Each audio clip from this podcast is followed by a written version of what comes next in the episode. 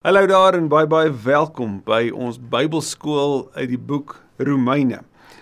Vir die wat onlangs by ons aangesluit het, baie baie welkom. Vir die wat steeds vir my boodskappe stuur of of versoek ook stuur vir notas, vir julle ook sê welkom en dankie dat julle dit doen. Dankie dat ons dit wat ons hier met mekaar deel ook op ander maniere kan deel en op ander plekke kan deel. Ons is vandag by die by die deel wat ek dink jy's 'n groot gros mense teruggebring het na die Bybel toe. 'n groot klomp debatte los weet ontketen het en en losgemaak het en 'n klomp verskillende invalshoeke gebring het en en ook ongelukkig opponerende standpunte teweeggebring het. Mense wat letterlik verdeel is oor die interpretasie hiervan en wat oor die jare hierdie teksgedeelte wat vandag ook voor ons lê gebruik het of om te slaan, te verdeel of aan te val. Nee, niks van hierdie woorde wat ek nou onlangs gebruik het, nou wat ek sopas gebruik het, hoort eintlik nê nee, by die hart van die evangelie nie.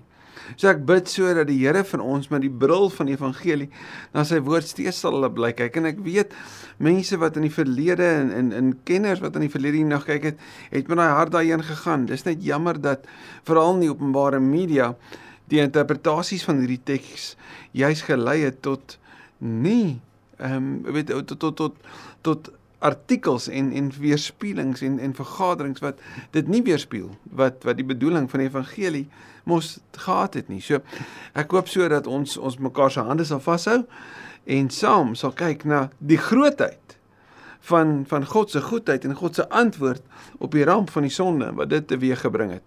Ons het verlede week Paulus se gebed raak gelees en dis die tweede gedeelte in hierdie eerste 3 dele van hoofstuk 1. En daarin het hy kom sê maar ek begin by God en ek begin by dank aan God en ek en ek dink aan julle en die Here is my getuie dat ek hierdie diep begeerte het om by julle te wees. En as ek na julle toe kom wil ek 'n gawe met julle deel. Maar eintlik wil ek hê ons moet mekaar bemoedig met dit wat die Here vir ons gegee het. Ons mekaar dra ook daarin en dan daai groot opsomming van die evangelie. Die die twee verse wat liter in beweging beweging gebring het in in so 'n mate dat hy letterlik 'n hele nuwe hoofstuk in sy lewe ontdek het, 'n nuwe rigting ingeslaan het en wat hoe dit gelei tot die reformatie. Hoofstuk 16 wat sê ek skaam my nie vir die goeie nuus, die evangelie van Christus nie. En wat is dit? Dit is 'n krag van God, 'n dinamus van God tot redding uit doodsgevaar uit vir elkeen wat glo, elkeen wat glo in die eerste plek die Jood, maar ook die nie-Jood. In hierdie wêreld van van in, in hierdie gemeente wat Paulus inskryf in hierdie stad van 1001 tot ag 1.1 tot 1.5 miljoen mense, 60000 Jode, skryf Paulus vir 'n gemeente wat hierdie vervlegging het van verskillende kulture en agtergronde. En Paulus kom sê maar die goeie nuus is vir almal. En wanneer hy begin deur te sê Jood, dan is dit nog maar dit aansluit by die voorafgaande wat sê dat God se se goeie nuus word vanuit die teleskoop, nie na die teleskoop die skrifte nie, maar deur die teleskoop, deur die skrifte sien ons Christus raak en daarom begin hy altyd by die Jood, maar ook die nie-Jood, hierdie inklusiwiteit. Sommige sou reken die Jode wat in in Rome was, van hulle was nog ortodoks of het baie streng gehou by die Joodse wette en ander het weer meer verhelleniseer. Hulle het hulle self al meer blootgestel aan die hellenistiese manier van lewe, aan die Griekse taal en die Griekse kennis. So op een manier sou jy kon sê vanuit die streng Joodse wêreld sou daar neergekyk word op die Jode wat al hoe meer Grieks magtig was en die kulture van die Grieke aangeneem het. Aan die ander kant sou daar gesê word maar nee vanuit die Griekse wêreld is daar neergekyk op die konservatiewe Jode. Nou Paulus kom sê nee. Dit gaan oor Christus, juis vir hierdie gemeente. Wanneer in hoofstuk 1 eh, vers 17 sê die evangelie kom juis tot openbaring. Dit dit word juis sigbaar wat wanneer God mense vryspreek enkel en alleen omdat hulle glo. Dis die punt. Dis die hart. Dis waarop dit neerkom. Die redding van God, God se antwoord op die probleem van sonde is dat jy glo, net deur te glo. Nie wetsonderhouding nie, nee, klomp ander dinge nie, net dit. Dis die openbaring. So hou dit altyd vas as jy verder lees. Veral as jy vanaf hoofstuk 1 vers 18 verder lees. Want vanaf hoofstuk 1 vers 18 tot 3 vers 20 pak Paulus die hele tyd die probleem van sonde uit. Hy wys vir ons oor die ramp van sonde en hoe daar geen ander alternatief, geen ander antwoord is daarvoor nie. Kom ons bid en dan lees ons saam. Dankie Here hiervoor. Dankie vir u woord. Dankie dat ons dieper kan delf en meer kan ontdek en ek bid so Here dat of ons nou saam met ander in 'n klein groep of 'n omgee groep sit en hierna kyk en of ek as 'n individu net hierna kyk. Help ons Here om om sommer hier oor die golwe van tegnologie in mekaar se hande steeds vas te hou. En dis Here maar lei vir ons hierin om u wil en u woord vir u wêreld ook vir vandag te ontdek soos wat ons weet u dit in daai tyd vir daai gemeenskap gesê het. Mag ons verantwoordelik omgaan ook vandag. Soos elke keer in Jesus se naam. Amen. Hoofstuk 1 vers 18. God openbaar vanuit die hemel en en dis waaruit dit kom natuurlik dit beskryf dat dat God die gans ander is. Hy openbaar vanuit die hemel sy toren. Die Griekse woord vir toren is is is 'n is 'n diepe wraak, maar maar dit word beskryf vanuit 'n 'n intense interne belewenis. Dat God 'n diep ontevredenheid het. Dis nie 'n emosionele uitbarsting nie. Dis 'n diepe ontevredenheid, 'n 'n wraak, 'n woede teenoor die sonde. God openbaar vanuit die hemel sy toren oor alle, oor al die goddeloosheid en ongeregtigheid van die mense wat die waarheid deur hulle ongeregtigheid probeer onderdruk. God maak dit duidelik dat hy nie tevrede is nie, dat hy nie gelukkig is nie, dat hy 'n wraak, 'n woede het teenoor die mense wat die waarheid en wat is die waarheid van die evangelie, van die boodskap van Christus, van God se wil, van hoe hy wil hê ons moet lewe op aarde, van wat wat sy beste vir die wêreld is, nê? wat hulle daai waarheid verruil vir 'n leuen, 'n leuen wat na binne gerig is. 'n 'n leuen wat so onderdruk word deur wat? Deur ongeregtigheid en ongeregtigheid staan teenoor geregtigheid want geregverdigheid en geregtigheid die kaiosunai beteken om in die regte verhouding met God te staan.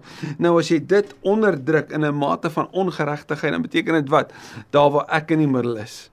En wanneer ek in die middel is, dan kan ek nie in die regte verhouding met God wees nie, maar as ek teenoor dit onderdruk op 'n wêreld van ongeregtigheid, met ander woorde sonde teenoor die evangelie, word hier duidelik gestel. En, en ons sien dat wat Paulus se invalshoek op op hierdie eerste deel is om te sê God openbaar die sonde ter wille van die evangelie want hy wil kom wys hoe hoe gebroke is die mens.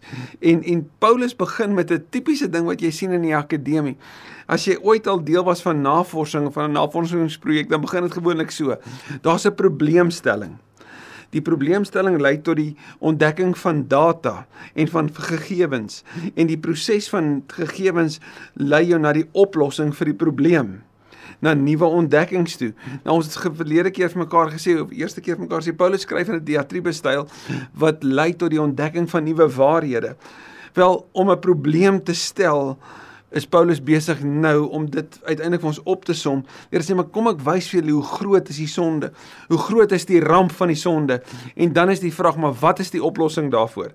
Hy gaan wys wat die mense pogings is om dit op te los. Wat die mense pogings is om dit te verbloem En dan wat's God se alternatief daarvoor? Hou dit asseblief in gedagte op die rig van 1 vers 17 wanneer ons ook nou verder lees. In hoofstuk 1 vers 18 tot 23 kom wys Paulus hoe sonde die die Jode, ag die die nie die nie Jode, die die Helleniste, die heidene se se lewens vasgegryp het. Maar van hoofstuk 2 vers 1 tot 3 vers 20 wys hy hoe sonde die Jode se harte gegryp het en hoe albei uiteindelik verlore is. Die grootheid van die sonde, die vraag dan maar wat is God se oplossing? Wel, dit kom. Vers 19. Wat 'n mens van God kan weet en nou praat hy in die besonder jy gaan dit nou ook sien met die met die heidene. Wat 'n mens van God kan weet was immers binne hulle bereik want God het dit binne hulle bereik gebring. Onthou jy daar in Handelinge 17 wanneer Paulus deur Athene stap. Dan praat hy met die Atheners, die Grieke, oor oor God. En hy sê dat God het binne die mens hierdie behoefte geplaas om hom te soek. Dis die bedoeling. Hy sê want uit hom leef ons, beweeg ons en is ons.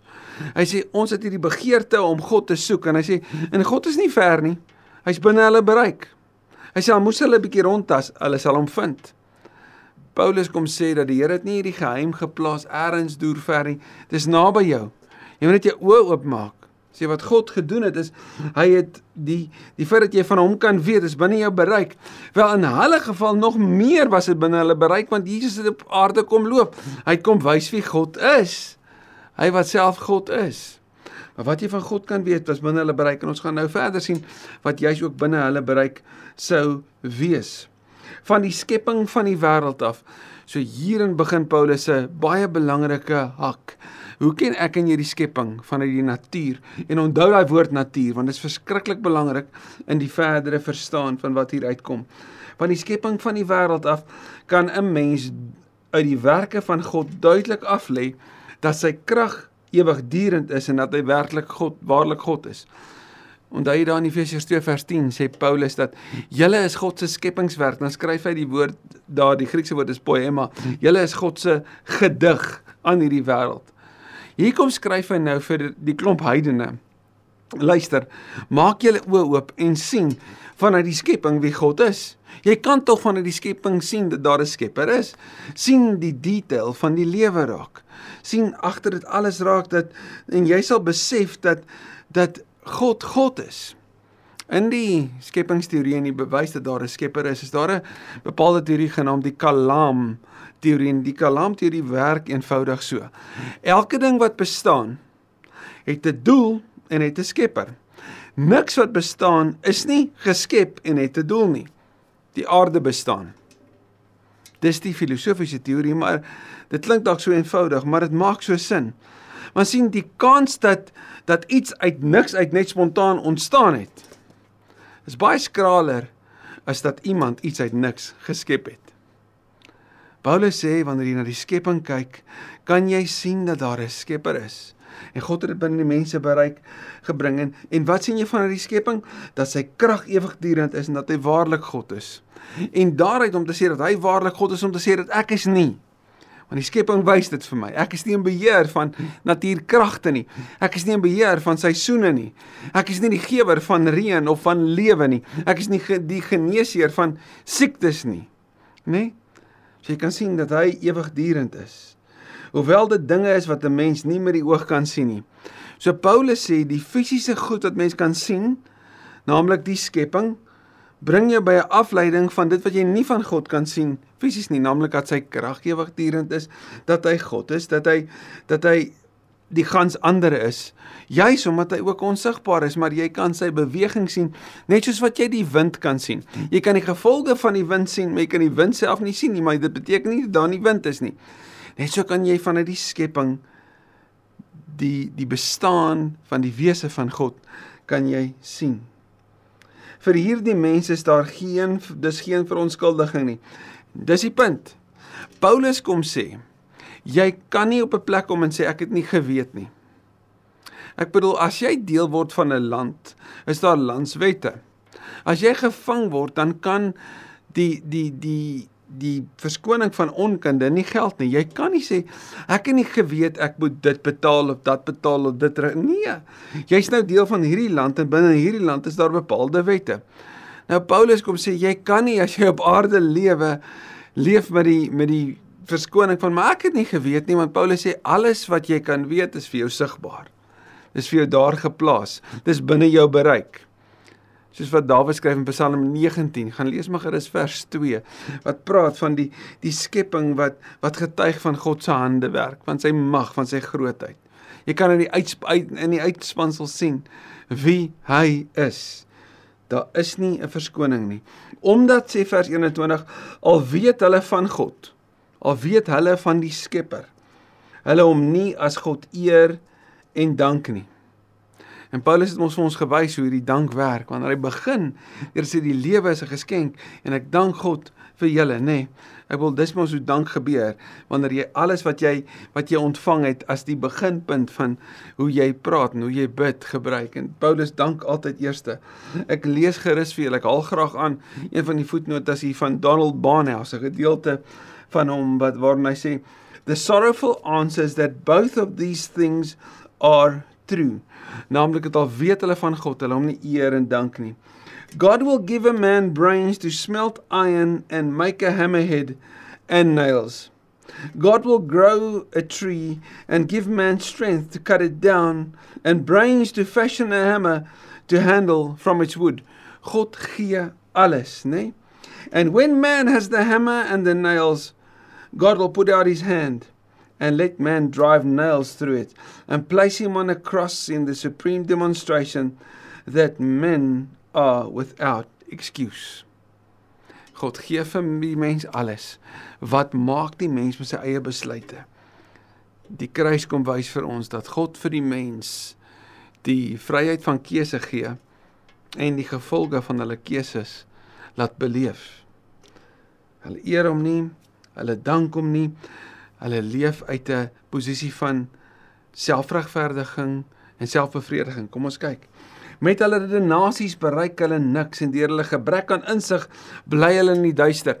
Nou die Grieke was bekend daarvoor dat hulle hulle self geroem het op hulle gnostisie. Hulle kennis en veral oor hulle kennis van die geheime. Hulle sou kon sê as jy die geheime kennis kon kan ontdek, maar gaan kyk gerus bietjie oor Kolossense want Paulus hier die hele idee van die geheimenis ont weet ontsluit. Maar hy sê hulle hulle het hierdie hierdie roem op hulle kennis. Daarom het hulle van die gepraat wat nie so gesofistikeerd is as hulle as barbare. Hulle roem op hierdie geheime kennis. God sê hy het niks daaraan nie. Want ek bedoel, hulle renasies beteken niks. En hulle renasies is kom ek vat 'n voorbeeld wat byvoorbeeld in Openbaring sou gebeur. Wanneer wanneer Jesebel sou sê wel as jy die duiwel wil ken dan moet jy alles van die duiwel weet en en om hom te kan oorwin moet jy alles beleef. So gee jouself oor aan sonde sodat jy sonde kan oorwin. En so slim as wat daai teorie sou klink so belaglik is dit as jy net met insig sou dink Paulus sê hulle het renasies wat tot niks toe kom nie hulle het 'n gebrek aan insig Ons leef in 'n wêreld met geweldig baie kennis, net soos in daai tyd, maar vandag nog meer. Maar baie gebrekkige insig. Die toepassing daarvan baie baie baie beperk. Hulle gee voor dat hulle verstandig is, maar hulle is dwaas. En hierdie is so 'n wysheidstelling uit Spreuke uit, nê? Die gee voor, die toneel speel om ander daarmee te bluf. In vandag se wêreld is mense ook dan maar verskriklik slim. Met 'n klomp teorieë en 'n klomp argumente. Klink verskriklik slim. Maar is die insig daarvan, die dieper insig daarvan werklik so? Blyk in die Griekse wêreld was dit verseker nie so nie. In die plek van die heerlikheid van die onverganklike God stel hulle beelde wat lyk soos 'n verganklike mens of soos voëls of diere of slange. Wat 'n tragedie. In die plek van die verering van die Here maak hulle beeltjies wat soos mense lyk. Buig hulle daarvoor en vereer hulle dit Net so wat Eksodus 20 sou staan.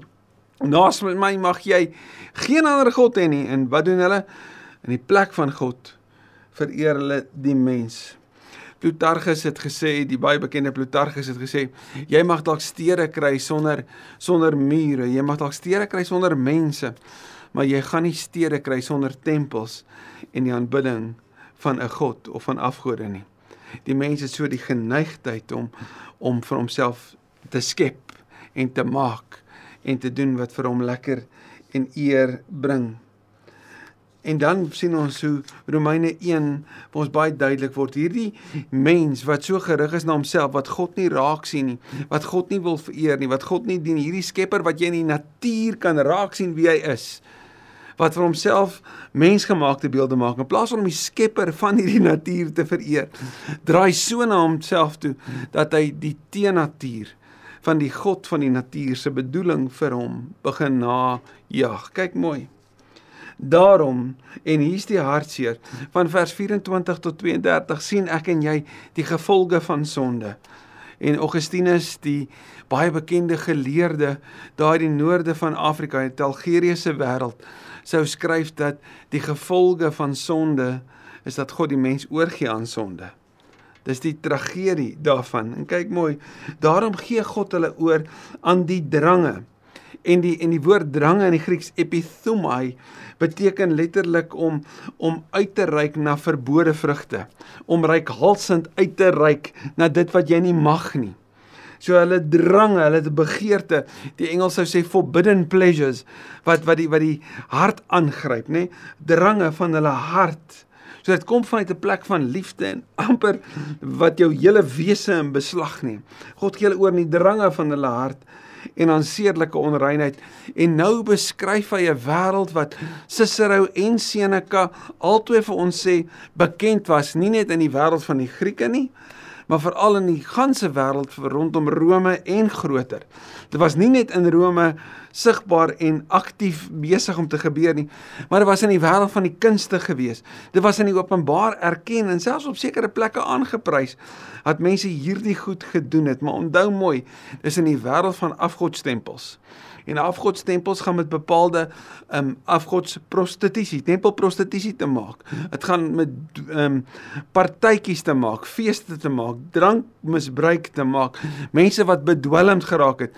sien dit alles, alles, alles in die agtergrond hiervan, nê? Nee? Mense wat hulle self net oorgee aan hulle luste en hulle plesier. Kyk mooi. God gee hulle oor aan hulle drange en aan sedelike onreinheid. Nou porneia wat hieruit voortvloei is waar ek en jy die woord pornografie vandaan kry. Alle forme van onsedelikheid is porneia, nê? Nee? sodat hulle hul liggame onder mekaar onteer. So wat hierdie gedoen, hierdie sonde gebeur nie in die privaatheid nie, dit gebeur nie openbaar en dit word in die gemeenskap gedeel. Kyk mooi vers 25. Dit is hulle wat die waarheid van God vir die leuen verruil. Daar's 'n ruiltransaksie. Wat is die waarheid van God? Hy is God en as hy God is, het hy die rede om vir my te kan sê, het hy die bestaansrede om vir my te kan sê hoe ek my lewe moet leef. Weet hy wat vir my beswil is? As hy God is en nie ek is en ek is nie God nie, dan hoor ek by hom wat die beste is. Dan volg ek sy wil, dan luister ek na hom.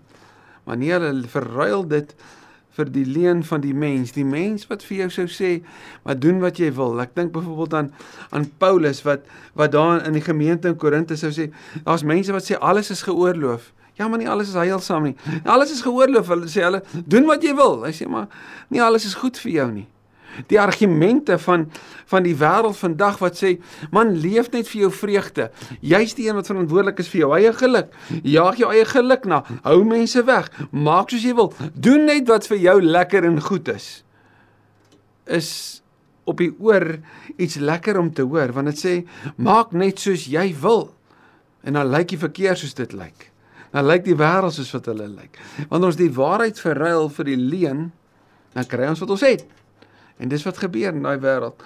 Paulus sê hulle die waarheid van God verhul vir Helene. Hulle dien en vereer die skepsel in plaas van die Skepper. So die teennatuur van die sonde is om teen die natuur van die God van die natuur te gaan. Om teen die natuur, die God gewilde natuur van hoe God dit geskep het en hoe hy dit bedoel het om teen dit te gaan. En dis die gevolge. Hierdie Here, die Skepper aan wie die lof en eer toekom vir ewig. Amen. Laat dit so wees. Hierdie God wat waardig is, die Skepper word verruil met 'n fokus op die skepsel. Daarom in die gevolge daarvan en drie keer gebruik Paulus hierdie woord daarom gee God. Tot en met 2 vers 1 gaan dit so aan in 'n ritme. Daarom gee God hulle oor aan skandelike drifte. Nou, hierdie woord skandelik is presies wat dit is. Skandalige passies. Skandalige geneigtheid. Dis die ramp van die sonde wat ons hier gaan lees. Skandelike drifte. Hulle vroue verander die natuurlike omgang.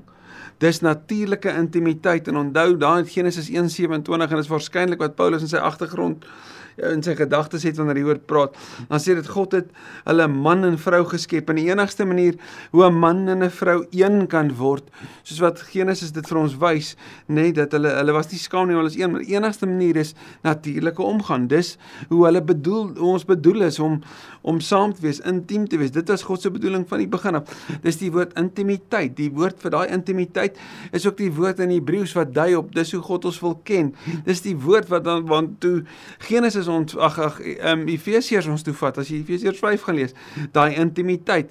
Dis 'n heilige woord, net so terloops, dis hoekom die die huwelik moet moet geopgradeer word in terme van sy prentjie in die in die, in die lig van die evangelie en van van die bruid en Christus en hoe heilig en groot dit is. En nou kom sê Paulus vir daai gemeenskap in Rome, maar hoor mooi, teen die natuur van wat God vir julle bedoel het, van wat God vir die mens bedoel het, is daai die draai na skandelike drifte. Dis 'n oorgee van doen net wat jy wil. En hy begin by die vroue in. Hierdie was nie nie geheim nie, hierdie was algemeen bekend. Hierdie het gebeur in hulle wêreld vroue wat verander die teennatuurlike omgang en en hoor maar hier's nêrens gesê van liefde nie en van verhouding of niks van dit nie. Hierdie gaan oor skandelike drifte en vroue wat hulle natuurlike omgang verander in 'n teennatuurlike omgang.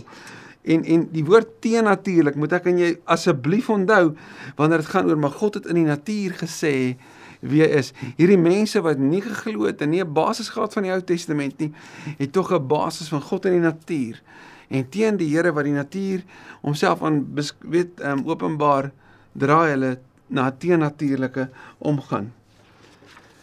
Net so laat vaar die mans ook die natuurlike omgang met die vrou in brand van begeerte, brand van begeerte. So so hoor mooi, hulle reageer op begeerte. Dis 'n 'n dierlike instink wat Paulus hier beskryf en en dit het gebeur want die Grieke het eh, daar's daar's baie aanduidings. Gaan kyk maar Cicero gaan kyk maar Seneca.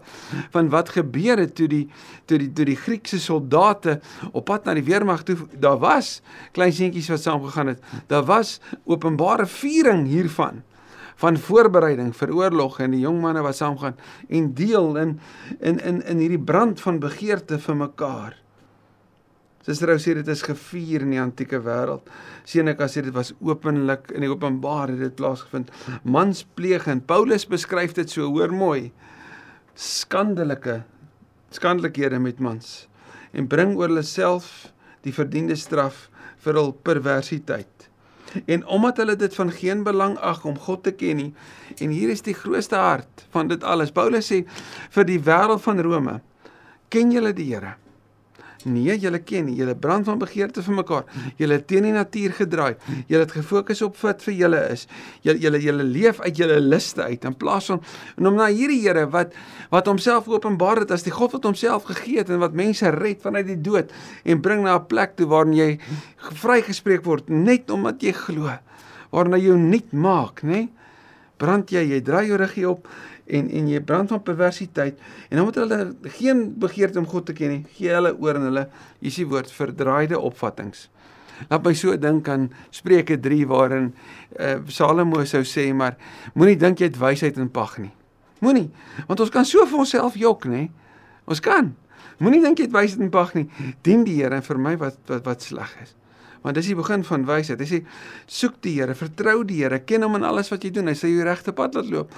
Maar as jy die Here nie ken en jy jou eie insigte opstaat maak, verdraaide opvattinge soos die is die wêreld wat vir jou wag, sodat hulle doen wat onbetaamlik is en net sodat die die lesers van daai tyd maar ook jy en ek nie vasgevang word net op hierdie fokus nie want hierdie is natuurlik die ekstreme voorbeeld van die teenatuur van die sonde. Kom wys Paulus hoe die teenatuur van die sonde ook in alledaagse lewe oral plaasvind en gebeur. En hier kom 'n sondelysie maar dis nie 'n volledige lys nie as jy dit vergelyk met sy ander sondelyste ook nie. En dit is nie bedoel om volledig te wees nie Maar die 10 dinge wat Paulus hier sê is amper soos 'n teenstelling van die 10 gebooie. Hier is hoe God wil hê jy moet leef. Hier is hoe dit lyk as jy net doen wat jy wil. Dis so amper 'n 'n 'n onheilige weet 10 10 vers, versameling van 10 wat ons hierin raak lees. Vers 29: Hulle is een en al ongeregtigheid. Weerens teenoor die geregtigheid wat God gee. Ongeregtigheid, slegheid, hepsig en gemeenheid. Hoor jy die verhoudingstaal? Want al hierdie sonde het verhoudingsimplikasies. Hulle is vol jaloesie, moord, twis, bedrog, kwaadwilligheid. Nou hierdie kom al hoe nader. Voel 'n bietjie, hy sit so 'n bietjie nader aan jou lyf. Net sodra jy gaan Ja, maar ek's darm nie so nie. Kyk mooi. Kwaadwilligheid, jaloesie, twis, argumentering, né? Hulle skinder. En praat kwaad. Paulus sê hierdie mense se ingesteldheid, hulle haat God. Dis eintlik so te midde van hierdie lys, hierdie hierdie diep binneste. Hulle wil eintlik niks van die Here weet nie. Hulle is hooghartig. Dink 'n bietjie hoe lyk 'n hooghartige mens? 'n Hoogmoedige, neerkykende mens. Aanmatigend. Dis my reg, dis my plek, dis my goed. Ek verdien dit. Verwaand. Arrogant. Hulle is mense wat kwaad uitdink. Ongehoorsaam aan hulle ouers. Jy sê kon sê maar hoe pas ongehoorsaam aan ouers in hierdie lys van sommige van hierdie goed is verskriklik. Alles kom uit dieselfde plek. Daar is nie 'n groter of 'n kleiner sonde nie.